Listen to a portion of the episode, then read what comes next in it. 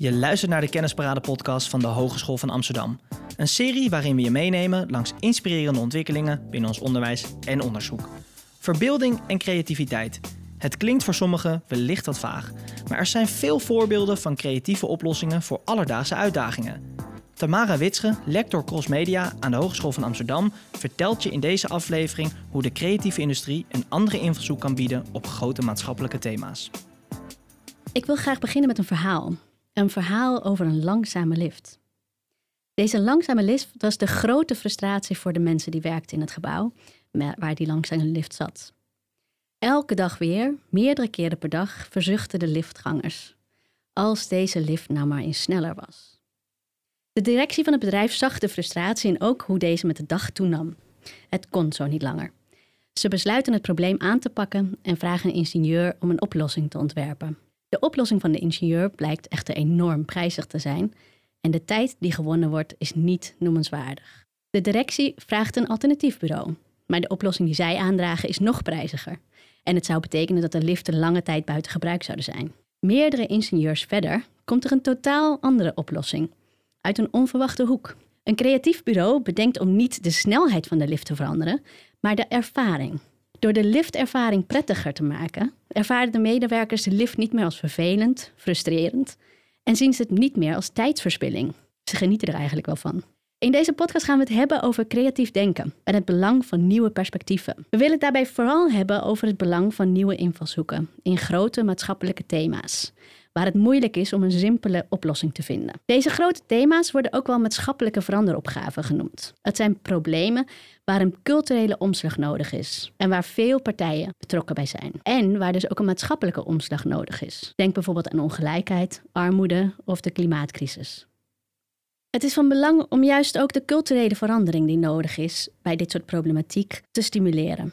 En dit is waar de creatieve industrie bij uitstek goed in is. Zij kunnen een nieuwe toekomst verbeelden en mensen meenemen in de verandering. En juist dat is belangrijk. Als we als samenleving de grote thema's waar we nu voor staan willen aangaan, dan moet iedereen daarin betrokken worden. En dan moet iedereen daar ook in gehoord worden. Dan kunnen we de verandering op een inclusieve en duurzame wijze vormgeven. Dat klinkt misschien heel groot, maar de HVA is al met heel veel verschillende maatschappelijke veranderopgaven aan de slag. En pakt het juist heel praktisch aan. En onderzoekt wat dit betekent voor ons alledaagse leven.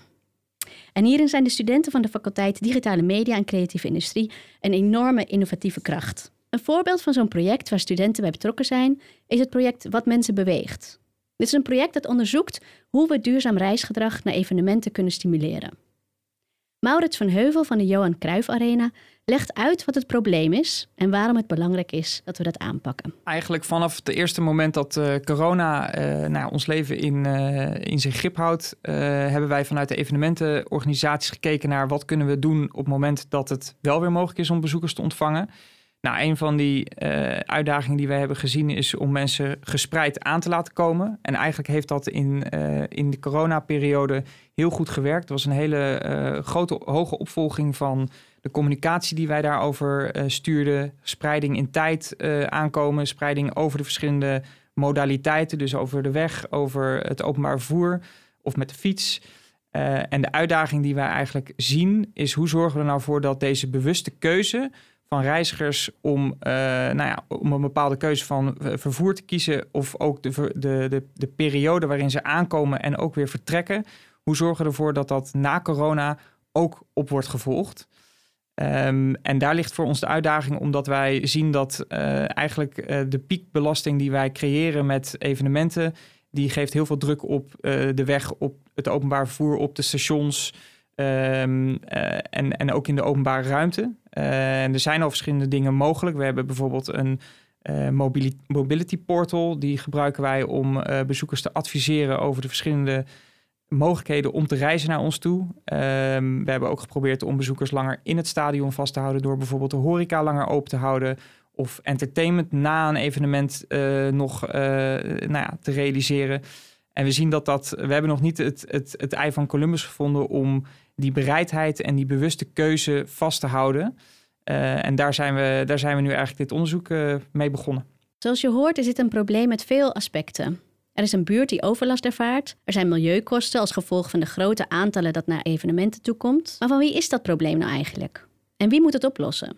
Zijn dat de organisatoren van de evenementen? Zijn het de bezoekers? Is het de gemeente? Juist bij dit soort complexe thematiek zijn er verschillende belanghebbenden en is er verandering nodig op veel verschillende niveaus. We hebben dit project dan ook opgepakt met veel verschillende partners in het gebied. De evenementenorganisaties, Arena, Avas Live, Psychodome, maar ook de gemeente en mobiliteitsplatformen. En om de creatieve invalshoeks in te brengen, werken we vanuit de onderzoeksgroep Creative Media for Social Change samen met Nemo Kennislink, de journalistieke tak van het wetenschapsmuseum Nemo. We vragen dan ook hoe kunnen we in kaart brengen wat mensen beweegt om op een bepaalde manier te reizen? En hoe kunnen we duurzaam en slim reisgedrag stimuleren? Het afgelopen half jaar zijn studenten van de Master Digital Design en de Bachelor Communication en Multimedia Design aan de slag gegaan met dit probleem. En zij hebben zich gericht op het veranderen van de ervaring van de bezoekers. Zo heeft een groep interactieve speelse wandelroutes van de evenementlocaties naar de diverse metrostations in de buurt ontworpen.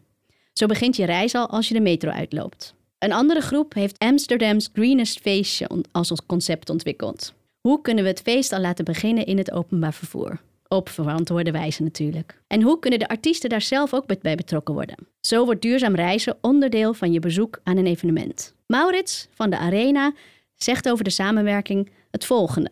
Nou, het leuke om dit onderzoek met designstudenten te doen, is dat zij echt met hele creatieve oplossingen komen. Uh, heel erg outside of the box denken. Uh, de oplossingen heel concreet maken, zelfs uh, op hele kleine schaal testen. fysiek ook laten zien dat het werkt. Um, en, en voor onze meerwaarde is ook dat we hebben het over mobiliteit gehad. Uh, maar door de spreiding over tijd uh, en de beïnvloeding uh, van bezoekers om, om andere keuzes te maken. Dus door bijvoorbeeld gezamenlijk in één auto te stappen. Of juist zelfs uit de auto te stappen, hebben we een enorme impact ook op, op een stukje duurzaamheid. beperking van, van CO2-uitstoot en dergelijke. En dat is voor, nou, voor ons, maar ook voor de maatschappij natuurlijk een enorme meerwaarde om nou, evenementen ook op een hele duurzame manier uh, te laten plaatsvinden. Want daar gaan we wel naartoe. Uh, dus we vinden het ontzettend interessant om dit, uh, dit onderzoek gezamenlijk met de HVA te doen. De creatieve industrie, denk aan communicatieprofessionals, designers, kunstenaars, kunnen ons helpen om de sociale innovatie vorm te geven en te versnellen. Dat betekent natuurlijk niet dat een nieuwe invalshoek antwoord is op alle problemen in de samenleving. Het is ook nodig om de creatieve industrie verder te versterken en te kijken hoe iedereen mee kan doen in de maatschappelijke veranderopgave. Hoe kunnen we zorgen dat iedereen gehoord wordt als we ons toekomstbeeld vormgeven? En wat is nou eigenlijk die maatschappelijke waarde van de creatieve industrie? Dit zijn vragen die centraal staan in het project van het Center of Expertise Creative Innovation. Je hoort zo Dominique van Ratingen, programmamanager van dit centrum, waar onderzoekers en onderwijs in de creatieve industrie samenkomen. Zij legt uit over een nieuw sprongprogramma op dit gebied en de subsidie die daarvoor ontvangen is. Sprong is een subsidie van het regieorgaan SIA. En hiermee wil de Nederlandse Organisatie voor Wetenschappelijk Onderzoek de kwaliteit en de impact van het praktijkgericht onderzoek van hogescholen versterken. En in de sprong gaat het om de samenwerking tussen onderzoeksgroepen van verschillende hogescholen die de potentie hebben om binnen acht jaar uit te groeien tot een krachtige samenwerking. Tussen minimaal twee hogescholen, en praktijkpartners, zoals bedrijven uit de beroepspraktijk. Met het Center of Expertise for Creative Innovation hebben we een sprongsubsidie binnengehaald. Het Center of Expertise for Creative Innovation is een samenwerking van vier hogescholen in de kunstzinnige en creatieve sector. Dat zijn Amsterdamse Hogeschool voor de Kunsten, in Holland, Gerrit Rietveld Academie en onder leiding van de Hogeschool van Amsterdam. Negen onderzoekers binnen verschillende domeinen van de creatieve industrie binnen deze hogescholen, die gaan nu specifiek onderzoek doen naar de toepasbaarheid van creatieve methodes in maatschappelijke vraagstukken. En je moet dan denken aan methodes zoals storytelling, co-creatie, verbeeldingskracht, digital design. En waarom is dat dan nodig? Het economisch en culturele belang van de creatieve industrie is over het algemeen bekend. Maar de maatschappelijke waarde van de creatieve sector, die wordt nog onvoldoende benut. En in deze tijd van grote transities vraagt dat echt om een nieuwe vorm van innovatie en een andere manier van kijken.